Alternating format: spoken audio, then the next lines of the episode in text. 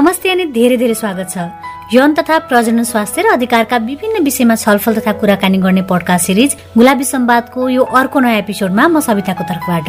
सवितासँगै म करुणा पनि छु। मेरो तर्फबाट पनि तपाईँलाई पडकास्टको अडसठी एपिसोडमा धेरै धेरै स्वागत छ र आशा छ कि तपाईँ सन्चै आरामै अनि बिन्दास हुनुहुन्छ भनेर। पक्कै पनि। र उत्सुक पनि हुनुहुन्छ होला कि करुणा?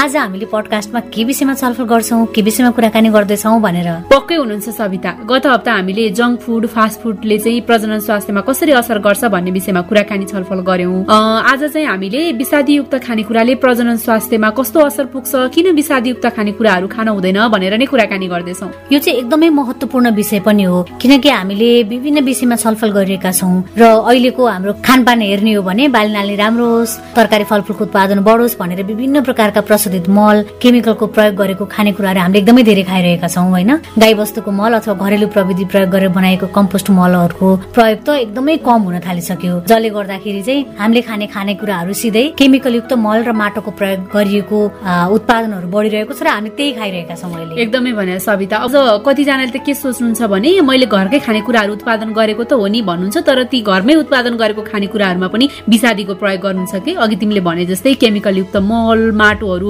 राख्ने अनि घरमै उत्पादन गरेको भनेर चाहिँ त्यसले त के असर गर्छ र भनेर खासै त्यो कुराहरूमा चाहिँ ध्यान दिनुहुन्न। अनि कतिले चाहिँ मैले अब घरमा उत्पादन नगरेको भए पनि बजारबाट लिएर आएर मैले सफा गरेर पकाएको छु भन्नुहुन्छ तर त्यही बजारमै उपलब्ध हुने कति धेरै तरकारीहरू खानेकुराहरू पनि विषादी हालेर बनाइएको हुन्छ कि? त्यही त हो नि करुणा। अब विषादीको सहायताले उत्पादन गरेको खानेकुराले हाम्रो स्वास्थ्यलाई कस्तो असर गर्छ होला त? अझ महिला र पुरुष दुवैको प्रजन क्षमतामा त्यसले के कस्ता समस्या तथा जोखिम निम्त्याउँछ होला त भनेर हामीले त सोच विचारसम्म पनि गर्दैनौ। र यो बहसको विषय हो र भन्ने सोच्छौ कि? हो नि अब हाम्रो त्यही सानो सानो लापरवाहीले गर्दा चाहिँ कति ठुलो स्वास्थ्य जोखिमहरू चाहिँ सामना गरिरहनु पर्छ कि? अब राष्ट्रिय तथा अन्तर्राष्ट्रिय स्तरमा भएका विभिन्न खोजहरू रिसर्चहरूलाई हेर्ने हो भने पनि यी कुराहरू पुष्टि भएका छन्। हामीले मात्रै भनिराखेको कुरा पनि होइन यो। त्यही त करुणा कृषकहरूलाई उचित ज्ञानको अभाव हुँदा विषादी उत्पादन गर्ने व्यक्तिहरूको अव्यवसायिक तरिका राज्यले विषादीको प्रयोग रोकथाम तथा न्यूनीकरणका लागि वैकल्पिक कृषि प्रणालीले प्रोत्साहन गर्न नसक्दा अनि हामी जस्तै उपभोक्ताहरूले चाहिँ जे कुरा पनि छिटो छरितो खोजिरहन्छौ नि त त्यसले गर्दाखेरि पनि यस्तो खालको समस्या देखिरहेका हुन् कि जस्तो लाग्छ कि मलाई? त्यो त पक्कै पनि हो सविता। र मैले यही विषयमा चाहिँ केही न्युज आर्टिकलहरू चाहिँ एज अ रिसोर्स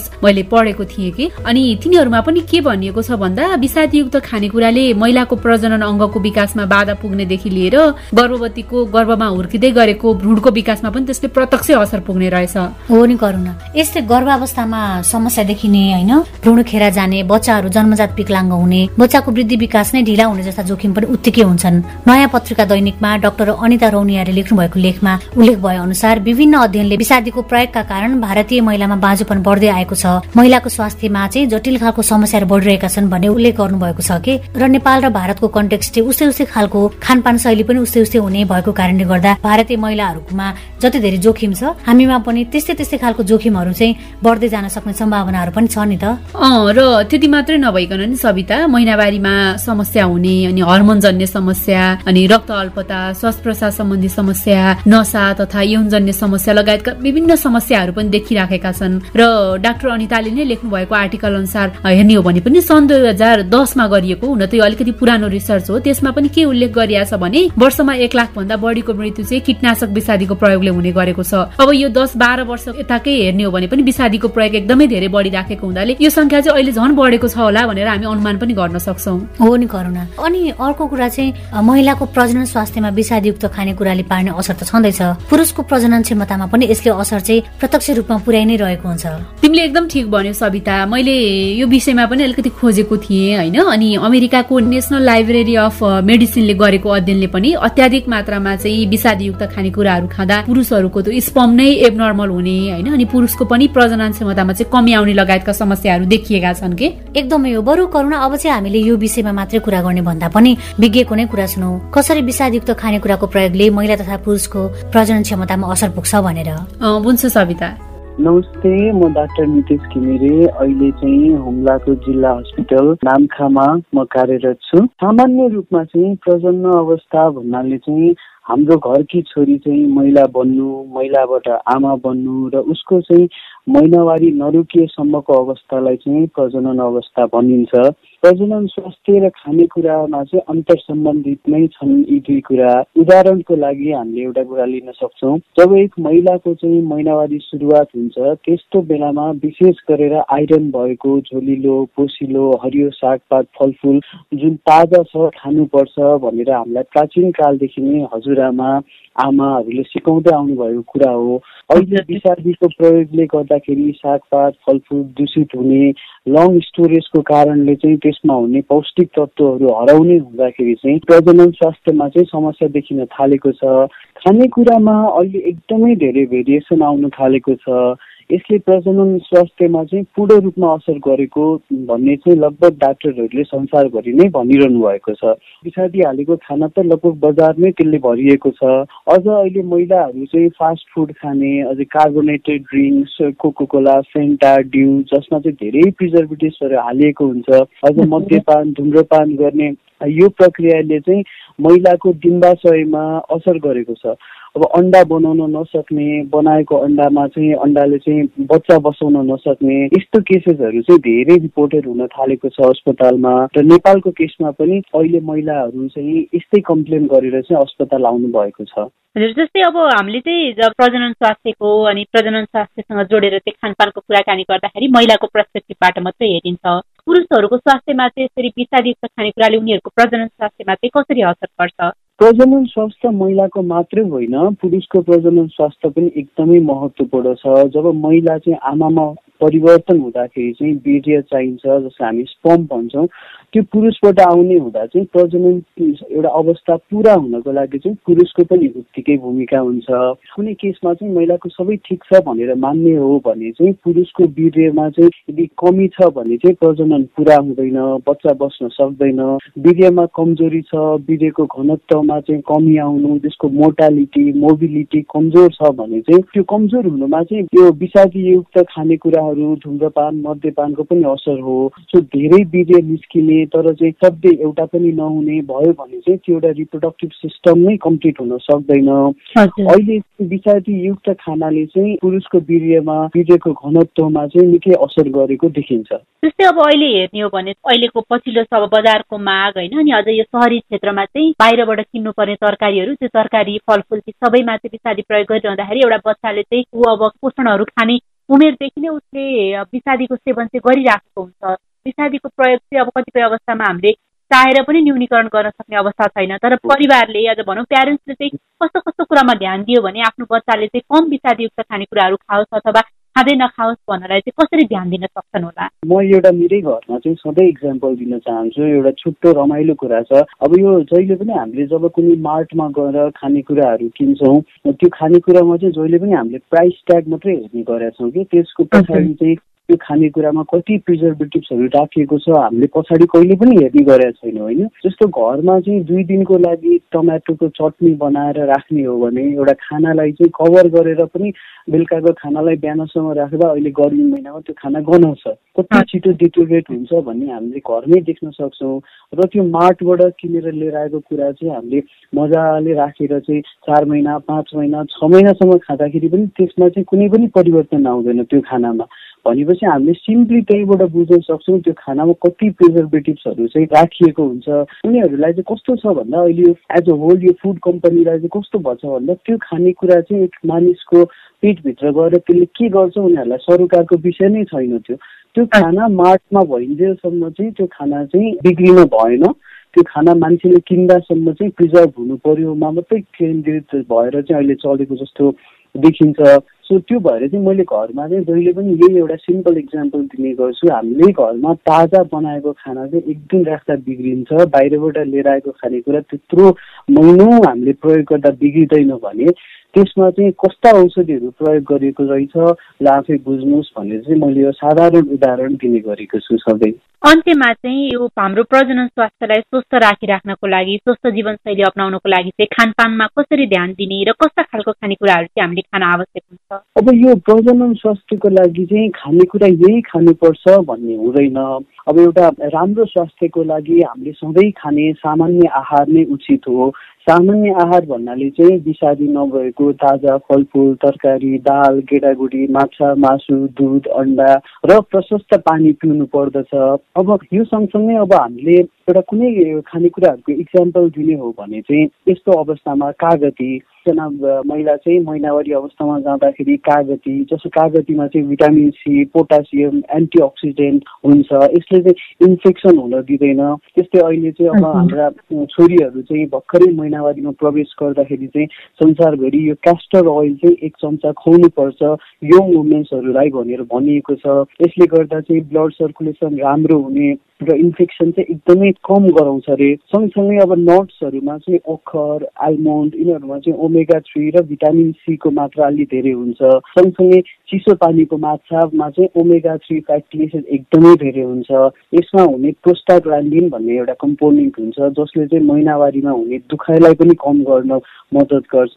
त्यस्तै अब ग्रिन टीलाई हामीले इम्युनी बुस्टरको रूपमा लिन सक्छौँ। अब ब्रोकाउली ब्रोकाउलीमा चाहिँ फाइलोस्ट्रोजन भन्ने कम्पोनेन्ट हुन्छ र यसले चाहिँ अब महिलामा स्ट्रोजन भन्ने कम्पोनेन्ट हुन्छ। सो पाइलो स्ट्रोजन पछि स्ट्रोजनमा कन्भर्ट हुने हुनाले चाहिँ त्यो महिलाको हर्मोन्सहरूलाई सन्तुलनमा लिएर आउन पनि मद्दत गर्छ। दुधमा चाहिँ भिटामिन डी भिटामिन डीले फर्टिलिटी र पाठेघरलाई चाहिँ एकदम मजबुत बनाउन मद्दत गर्छ। सो यस्ता खानेकुराहरू जुन चाहिँ नर्मल्ली बजारमा लोकल मार्केटमा पाइन्छ जसमा धेरै प्रिजर्भेटिभ्सहरू धेरै औषधिको प्रयोग गरिएको हुँदैन। सो यस्ता खानेकुराहरू चाहिँ खाँदाखेरि चाहिँ प्रजनन स्वास्थ्य सँगसँगै एउटा मानिसको पूर्ण रूपमा स्वास्थ्य चाहिँ राम्रो हुन्छ। विषादीयुक्त खानेकुराले हाम्रो प्रजनन स्वास्थ्यमा कस्तो असर गर्छ भनेर जानकारी गराइदिनु भएकोमा धेरै धेरै धन्यवाद। उहाँले भन्नुभयो जस्तै विषादयुक्त खानेकुरा खाँदा महिला र पुरुष दुवैको प्रजनन क्षमतामा समस्या देखिन सक्छ। सँगसँगै त्यस्ता दम्पतिबाट जन्मिने बच्चाको स्वास्थ्यमा पनि उत्तिकै असर पुग्ने विकलाङ्ग बच्चा जन्मिने जोखिम पनि धेरै हुन्छ। त्यसैले पनि विषादीको प्रयोग कम गरौं यसले हाम्रो स्वास्थ्य प्रजनन क्षमता सँगसँगै वातावरणलाई पनि स्वस्थ राख्न सहयोग मिल्छ। अब हाम्रो वरपरको वातावरण स्वस्थ राख्नु भनेको हामी पनि स्वस्थ हुनु हो। किनकि हामीले यो विषयमा पडकास्टको सडचालिसौँ एपिसोडमा भने जस्तै हाम्रो प्रजनन स्वास्थ्य स्वस्थ हुनुमा चाहिँ स्वस्थ वातावरणको आवश्यकता पनि उत्तिकै हुन्छ। पक्कै पनि। अब चाहिँ विधा नै माग्नु पर्छ होला। विधा माग्नु अगाडि चाहिँ हामीलाई सम्पर्क गर्ने विभिन्न ठेगाना भनिहाल्छौ। यदि तपाईँ हामीलाई इमेल गरेर आफ्नो कुरा भन्न चाहनुहुन्छ भने हाम्रो email Gulabi Sambad at Gmail dot com G U L A B I S A M B A D Sambad at Gmail dot com अथवा हाम्रा विभिन्न सोसियल मिडियाहरू पनि छन्। फेसबुक इन्स्टाग्राम ट्विटर टिकटक र युट्युबमा पनि तपाईँले हामीलाई गुलाबी सम्वाद जियुएलएबिआई एसएएमबिएडी सम्वाद सर्च गरेर भेट्न सक्नुहुन्छ र ती विभिन्न सोसियल मिडिया मार्फत पनि हामी प्रत्यक्ष रूपमा तपाईँसँग छलफल तथा कुराकानी गर्न सक्छौ। त्यस्तै तपाईँले हाम्रो कार्यक्रम तथा किशोर किशोरी लेख्नु भएको गुलाबी उमेरका गुलाबी भोगाई हाम्रो website W W W dot Gulabi Sambad dot com र हाम्रो blog W W W dot Gulabi Sambad dot blog spot dot कममा पनि प्रकाशित छन्। ती सामग्री पनि तपाईँले पढ्न सक्नुहुनेछ र आफ्ना पनि त्यस्तै अनुभव भोगाईहरू छन् र हामीलाई सेयर गर्न मन छ भने लेखेर वा रेकर्ड गरेर हामीले अघि भनेका विभिन्न ठेगानाहरूमा पठाउन सक्नुहुनेछ। त्यस्तै तपाईँले हाम्रो यस पडकास्ट श्रृङ्खला गुलाबी सम्वाद एङ्कर डट एफएममा गएर Gulabi Sambad teen talk search गरेर पनि सुन्न सक्नुहुन्छ। त्यस्तै हाम्रो पात्रो एपको अडियो फिचर्समा गएर गुलाबी सम्वाद सर्च गरेर हाम्रो नयाँ तथा पुरानो एपिसोड सुन्न सक्नुहुन्छ। त्यो बाहेक भनेको चाहिँ देशभरिका विभिन्न उन्चालिसवटा स्थानीय रेडियो स्टेशनबाट हप्तैभरि विभिन्न समयमा हाम्रो पडकास्ट प्रसारण भइरहेको छ। तपाईँलाई पाइक पर्ने स्थानीय रेडियो स्टेशनबाट पनि कार्यक्रम सुन्नुहोला र अहिले चाहिँ तपाईँले कुन रेडियो या त कुन अनलाइन प्लेटफर्म मार्फत हामीलाई सुन्दै हुनुहुन्छ भनेर जानकारी गराउन पनि नभुल्नु होला भन्दै आजका लागि पडकास्ट सिरिज गुलाबी सम्वादको अडसठी श्रृङ्खलाबाट सविता र करुणा विदा माग्छौ। नमस्ते। अर्को श्रृङ्खलामा पुनः भेट्नेछौँ।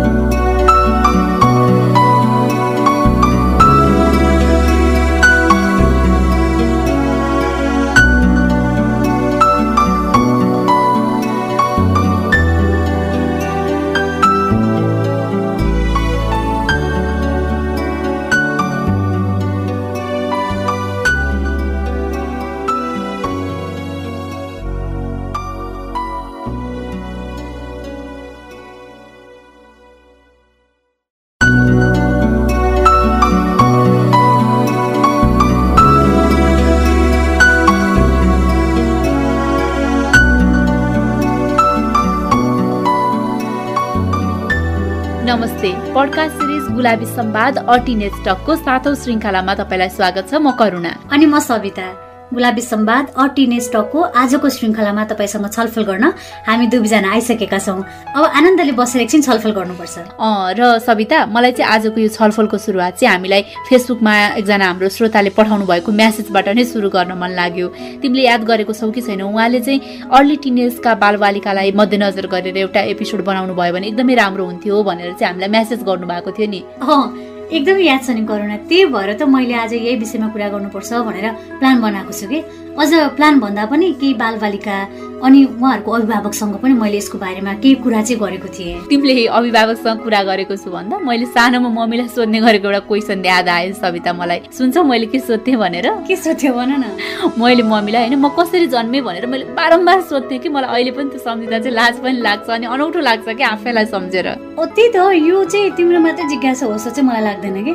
यो धेरैजना बालबालिकामा चाहिँ यस्तै हुन्थ्यो महिनाभरि कसरी हुन्छ बच्चा म कसरी जन्मेँ हजुर कहाँबाट आउनुभयो? त्यस्तो त्यस्तो खालको प्रश्नहरू चाहिँ हुन्छ जस्तो लाग्छ मलाई। फेरि अब सानो उमेरमा प्रजनन स्वास्थ्य यौनको बारेमा त केही पनि थाहा हुँदैन नि त बालबालिकालाई अनि आफूले ठुलो मान्छेले जे गरेको छ जस्तो खालको व्यवहार गरेको छ जस्तो खालको कुराकानी गरेको छ त्यही अनुसार नै उनीहरूले आफ्नो एउटा इमेज बनाएर बसेका हुन्छन् र त्यहीसँग सम्बन्धित उत्सुकता मात्रै उनीहरूको मनमा हुन्छ जस्तो लाग्छ। हो नि अब अर्ली टिनेजको समयमा बालबालिकाहरू चाहिँ आफ्नै शरीरमा आएको परिवर्तनलाई देखेर एकदमै अनौठो मान्ने के भइरहेको छ मेरो शरीरमा भनेर चाहिँ जान्न बुझ्न एकदमै धेरै खोज्ने। अझ सँगसँगै अझै मैले देखेको चाहिँ विपरीत लिङ्गीप्रति आकर्षित हुने आफूभन्दा फरक लैङ्गिकता भएको व्यक्तिको चाहिँ शरीर कस्तो होला मेरो जस्तै छ कि फरक छ फरक छ भने चाहिँ के फरक छ उसको कस्तो होला मेरो किन यस्तो भयो होला भन्ने खालको कुराहरू चाहिँ मनमा लिइराख्ने गर्छन् जसले गर्दा उनीहरूलाई चाहिँ मानसिक रूपमा पनि तनाव भइराखेको तनाव झेलिराखेको हुन्छन् जस्तो चाहिँ लाग्छ।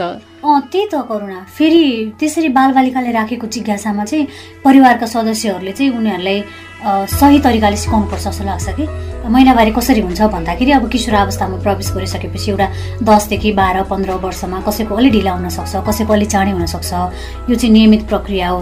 प्रजनन क्षमताको लागि चाहिँ महिला योग्य छ भन्नको लागि चाहिँ महिनावारी हुन्छ भन्ने हिसाबले चाहिँ बालबालिकाले बुझ्ने गरी चाहिँ सिकाउनु पर्छ कि जस्तो लाग्छ कि मलाई? हो सविता। जस्तै अब यो उमेरमा बालबालिकाले सोध्ने प्रश्नलाई आमा बुबाले अभिभावकले अझ भनौँ होइन?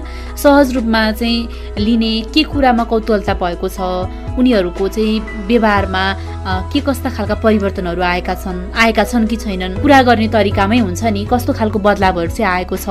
उनीहरूले कस्तो खालको पहिरनहरू चाहिँ खोजेका छन्? शारीरिक हावभावहरू चाहिँ कसरी व्यक्त गरिराखेका छन् भन्ने कुरामा चाहिँ विशेष ध्यान दिनुपर्छ जस्तो लाग्छ कि? हो।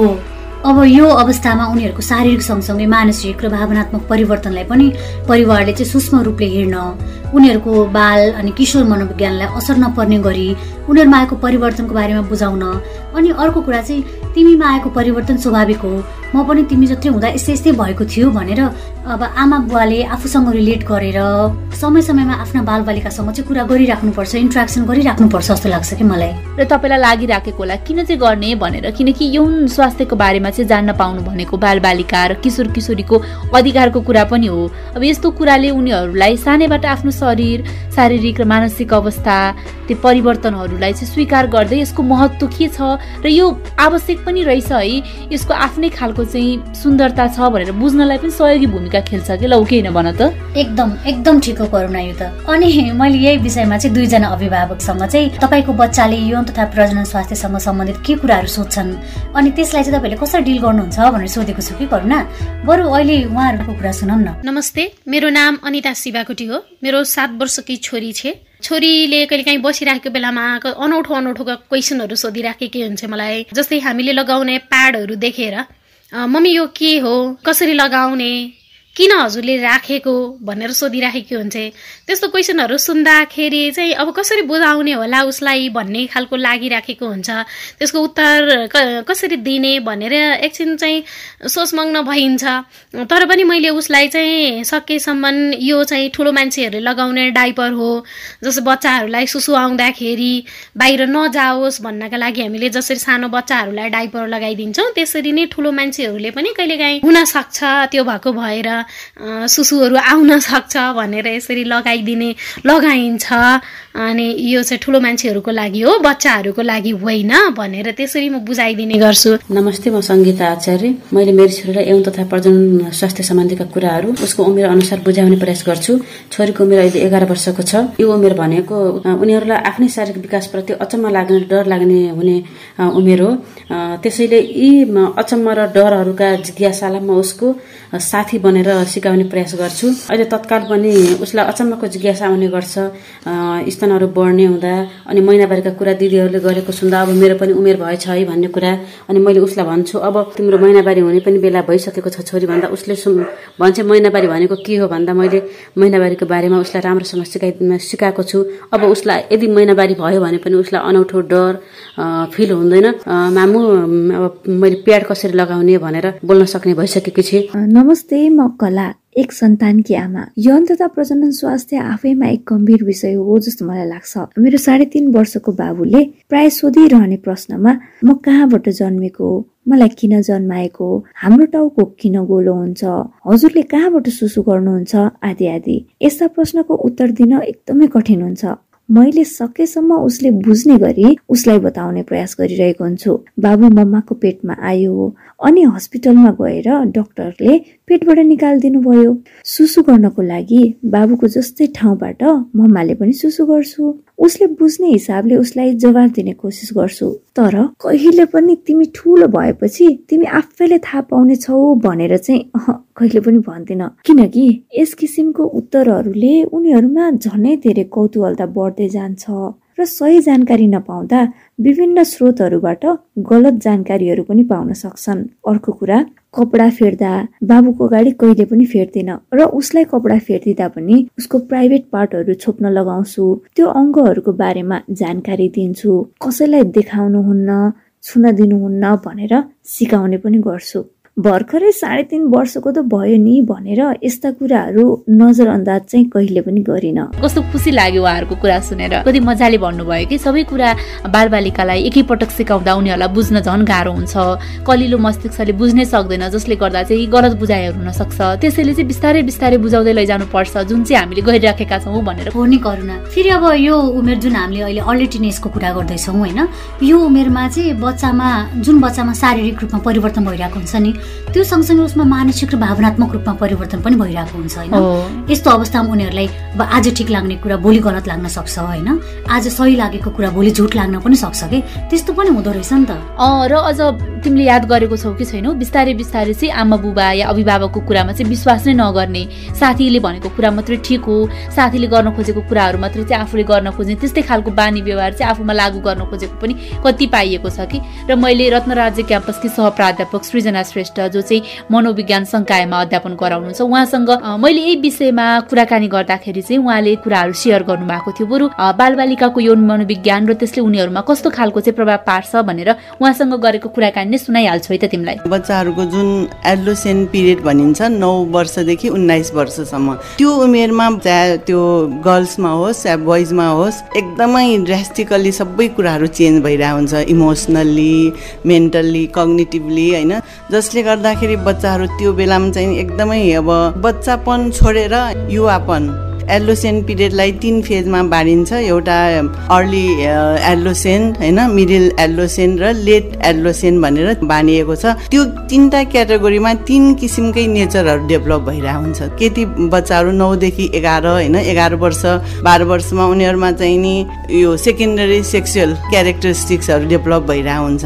मिन्स हुनको लागि मेन्चुरल साइकलमा जानलाई उनीहरू ठिक हुन्छ कोही अब भइ पनि हाल्छ। जसले गर्दाखेरि उनीहरूको लागि पनि एकदमै नयाँ कुरा। त्यसले गर्दा बायोलोजिकल्ली विभिन्न अब ग्ल्यान्ड्सहरूको कारणले गर्दा एकदम हर्मोनहरू अत्याधिक प्रड्युस हुने टाइम त्यो बेला। जसले गर्दाखेरि उनीहरू सेक्सुअली पनि धेरै उत्साहित हुने समय। क्युरियोसिटी नयाँ नयाँ जस्तै अब छातीको वृद्धि हुनु केटाहरूमा खोक्रो स्वर हुनु गुप्ताङ्गहरूमा हेरहरू हुनु उनीहरूको लागि पनि एउटा क्युरियोसिटी पनि हो। उनीहरूलाई कतिलाई त थाहा पनि हुँदैन यो के हुँदैछ मेरो शरीरमा के हुन्छ भन्ने डर पनि सोसियल्ली पनि उनीहरूको इन्ट्रेस्ट छुट्टै भएर जान्छ होइन? सुरुको चाहिँ एलोसेन पिरियडमा चाहिँ प्योर ग्रुपमा धेरै इन्ट्रेक्ट हुन्छ उनीहरू। प्योर ग्रुप आफ्नै सेक्समा। तर जब उनीहरू पन्ध्र वर्ष मिडिल एलोसेन पिरियड जान्छ अपोजिट सेक्सतिर चाहिँ धेरै चाहिँ अट्र्याक्ट हुने हुन्छ। त्यो बेलामा साइकोलोजिकल्ली उनीहरू एकदम एग्रेसिभ नेचरको हुन्छ आमा बाउले केही कुरा सोध्यो भने पनि एकदमै रियाक्ट गर्ने अलिकति केही क्रिटिसिजम उनीहरूको कामप्रति भयो भने पनि एकदमै भाइलेन्ट हुने। त्यस्तो नेचरको हुन्छ। त्यो समयमा जुन बायोलोजिकल्ली उसको हरेक कुराको ग्ल्यान्ड्सहरूमा हुने हर्मोन्सको कारणले गर्दाखेरि उसको हरेक व्यवहारमा नै चेन्ज भइरहेको हुन्छ। र उनीहरू एकदम फ्रिडम खोज्छन्। एकदम पहिला चाहिँ नि धेरै ग्रुपमा बस्न चाहन्छ ठुल्ठुलो ग्रुपमै समूहमा ग्याङमा। तर जब अलिकति लेट एलोसेन्टमा जान्छ तब उनीहरूको थोरै साथीभाइको बिच चाहिँ नि धेरै चाहिँ नि इन्ट्रेक्ट हुन्छ। दुई चारजना अथवा कोही एकैजनासँग आफ्नो नेचर हेरिकन होइन? र उनीहरूसँग धेरै समय बिताउन चाहन्छ। अझ अपोजिट सेक्स भयो भने धेरै होइन अट्र्याक्ट हुने हुन्छ। जस्तै अब त्यस्तो मनोविज्ञानले गर्दाखेरि चाहिँ बालबालिकामा सर्ट टर्ममा अब अब त्यो असर त्यसले गर्दा चाहिँ सेक्सुअल एब्युज हुने चान्सेस हाई हुन्छ। बोइजमा पनि हुनसक्छ गर्ल्समा पनि हुनसक्छ। अब त्यसको कन्सिक्वेन्स के हो भन्ने कुरा उसलाई थाहा नहुन सक्छ होइन? त्यसले गर्दाखेरि चाहिँ नि अब धेरै नै बच्चाहरू एक्सप्लोइट भइरहेछ बलात्कारको शिकार भइरहेछ होइन? त्यस्तो बच्चाहरूलाई चाहिँ आमा बाउले चाहिँ एकदमै बुझेर होइन के हुन्छ कसो हुन्छ यस्तो हुनसक्छ यस्तो हुनसक्छ यस्तो गर्नु हुँदैन भन्ने कुरा चाहिँ नि एकदम क्लियरली गाइडलाइन चाहिँ दिइराख्नुपर्छ ताकि त्यो नराम्रो परिणामबाट बच्न सकोस्। अन्त्यमा चाहिँ जस्तै बालबालिकाहरू आफैले चाहिँ आफूमा आएको यौन उत्सुकताहरू यौन भावनाहरू अथवा समस्याहरूको बारेमा चाहिँ किन र कसरी उनीहरूले सेयर गर्दाखेरि उनीहरू त्यो समस्याबाट चाहिँ मुक्त हुन अथवा उत्सुकतालाई चाहिँ यो रहेछ भनेर उनीहरू थाहा पाउँछ बच्चाहरू आफैले सेयर गर्ने भन्दा पनि जब बच्चाको टाइम आउँछ नि चाहे केटा बच्चा केटी बच्चा उनीहरू अब टाइम आउनुभन्दा अगाडि सिकायो भने चाहिँ बच्चाहरूलाई अब ए अब अब यस्तो भएको रहेछ यस्तो हो भन्ने कुरा थाहा हुन्छ होला। त्यो उमेर भनेको त एकदमै सेल्फ कन्सियस हुने बेला। कसैले तिमी मोटायो भने पनि कसरी डुब्लाउनु खाँदै नखाइदिने होइन? एकदमै दुब्लायो भने खाएको खाइ गरेर मोटाउनु पर्यो भन्ने अवस्थामा त्यस्तो अब चेन्जेस आउने समयमा आमा बाबु अब घरको को छ अब दिदी होइन? कसले छ त्यसलाई चाहिँ नि अब गाइड चाहिँ गरिराख्यो भने सबभन्दा राम्रो हुन्छ। ठुलो मान्छेले समय भएपछि भनिदिन हुन्छ। अर्को कुरा गभर्मेन्ट लेभलबाट नै हुनुपर्छ। यौन शिक्षा भनेको त स्कुल लेभलबाटै राख्नुपर्छ। मनोविज्ञान संकायमा अध्यापन गराउँदै आउनुभएकी रत्नराजी क्याम्पसकी सहप्राध्यापक सृजना श्रेष्ठले भन्नुभयो जस्तै बालबालिका भन्नाले किशोर अवस्थामा प्रवेश गर्न लागेका तर गरि नसकेका बालबालिकामा सकारात्मकता ल्याउनको लागि परिवारका सदस्यको चाहिँ एकदमै ठुलो भूमिका हुन्छ। जसले गर्दा चाहिँ सही बाटोमा आफ्नो बालबालिकाहरू लागुन्। तिम्रो कुरामा चाहिँ म पनि एकदमै सहमत छु सविता। किनकि अब आफ्नो बालबालिकाको अगाडि सुरक्षित र सबै तरिकाले यौन व्यवहार गर्न गलत तरिकाको यौन व्यवहार नगर्नको लागि पनि अभिभावकले चाहिँ ध्यान पुर्याउन एकदमै आवश्यक छ कि? किनकि बालबालिकाको अगाडि जस्तो व्यवहार हामीले गर्यौँ उनीहरूले त्यही सिक्छन् त्यही व्यवहारको चाहिँ अनुसरण गर्छन् नि त। एकदम हो करुणा। अब चाहिँ बरु विदाय माग्नु पर्छ होला किन भन्दा समय पनि सकिन लाग्यो। हाम्रो कार्यक्रम रेडियोबाट अनि पडकास्ट इन्टरनेटबाट सुन्दै गर्नुभएको तपाईँ सबैलाई आजको छलफल कस्तो लाग्यो? हामीलाई इमेल गरेर आफ्नो कुरा भन्न चाहनुहुन्छ भने हाम्रो email Gulabi Sambad at Gmail dot com G U L A B I S A M B A D Sambad at Gmail dot com अथवा हाम्रा विभिन्न सोसियल मिडियाहरू पनि छन्। फेसबुक इन्स्टाग्राम ट्विटर टिकटक र युट्युबमा पनि तपाईँले हामीलाई गुलाबी सम्वाद जियुएलएबिआई एसएएमबिएडी सम्वाद सर्च गरेर भेट्न सक्नुहुन्छ र ती विभिन्न सोसियल मिडिया मार्फत पनि हामी प्रत्यक्ष रूपमा तपाईँसँग छलफल तथा कुराकानी गर्न सक्छौ। त्यस्तै तपाईँले हाम्रो कार्यक्रम तथा किशोर किशोरीले लेख्नु भएको गुलाबी उमेरका गुलाबी भोगाई हाम्रो website W W W dot Gulabi Sambad dot com र हाम्रो blog W W W dot Gulabi Sambad dot blog spot dot कममा पनि प्रकाशित छन्। ती सामग्री पनि तपाईँले पढ्न सक्नुहुनेछ र आफ्ना पनि त्यस्तै अनुभव भोगाईहरू छन् र हामीलाई सेयर गर्न मन छ भने लेखेर वा रेकर्ड गरेर हामीले अघि भनेका विभिन्न ठेगानाहरूमा पठाउन सक्नुहुनेछ। त्यस्तै तपाईँले हाम्रो यस पडकास्ट श्रृङ्खला गुलाबी सम्वाद एङ्कर डट एफएममा गएर Gulabi Sambad teen talk search गरेर पनि सुन्न सक्नुहुन्छ। त्यस्तै हाम्रो पात्रो एपको अडियो फिचर्समा गएर गुलाबी सम्वाद सर्च गरेर हाम्रो नयाँ तथा पुरानो एपिसोड सुन्न सक्नुहुन्छ। त्यो बाहेक भनेको चाहिँ देशभरिका विभिन्न स्थानीय रेडियो स्टेशनबाट हप्तैभरि विभिन्न समयमा हाम्रो पडकास्ट प्रसारण भइरहेको छ। तपाईँलाई पाइक पर्ने स्थानीय रेडियो स्टेशनबाट पनि कार्यक्रम सुन्नु होला र अहिले चाहिँ तपाईँले कुन रेडियो या त कुन अनलाइन प्लेटफर्म मार्फत हामीलाई सुन्दै हुनुहुन्छ भनेर जानकारी गराउन पनि नभुल्नु होला भन्दै आजका लागि पडकास्ट सिरिज गुलाबी सम्वादबाट सविता र करुणा विदा माग्छौ। नमस्ते। अर्को श्रृङ्खलामा पुनः भेट्नेछौ।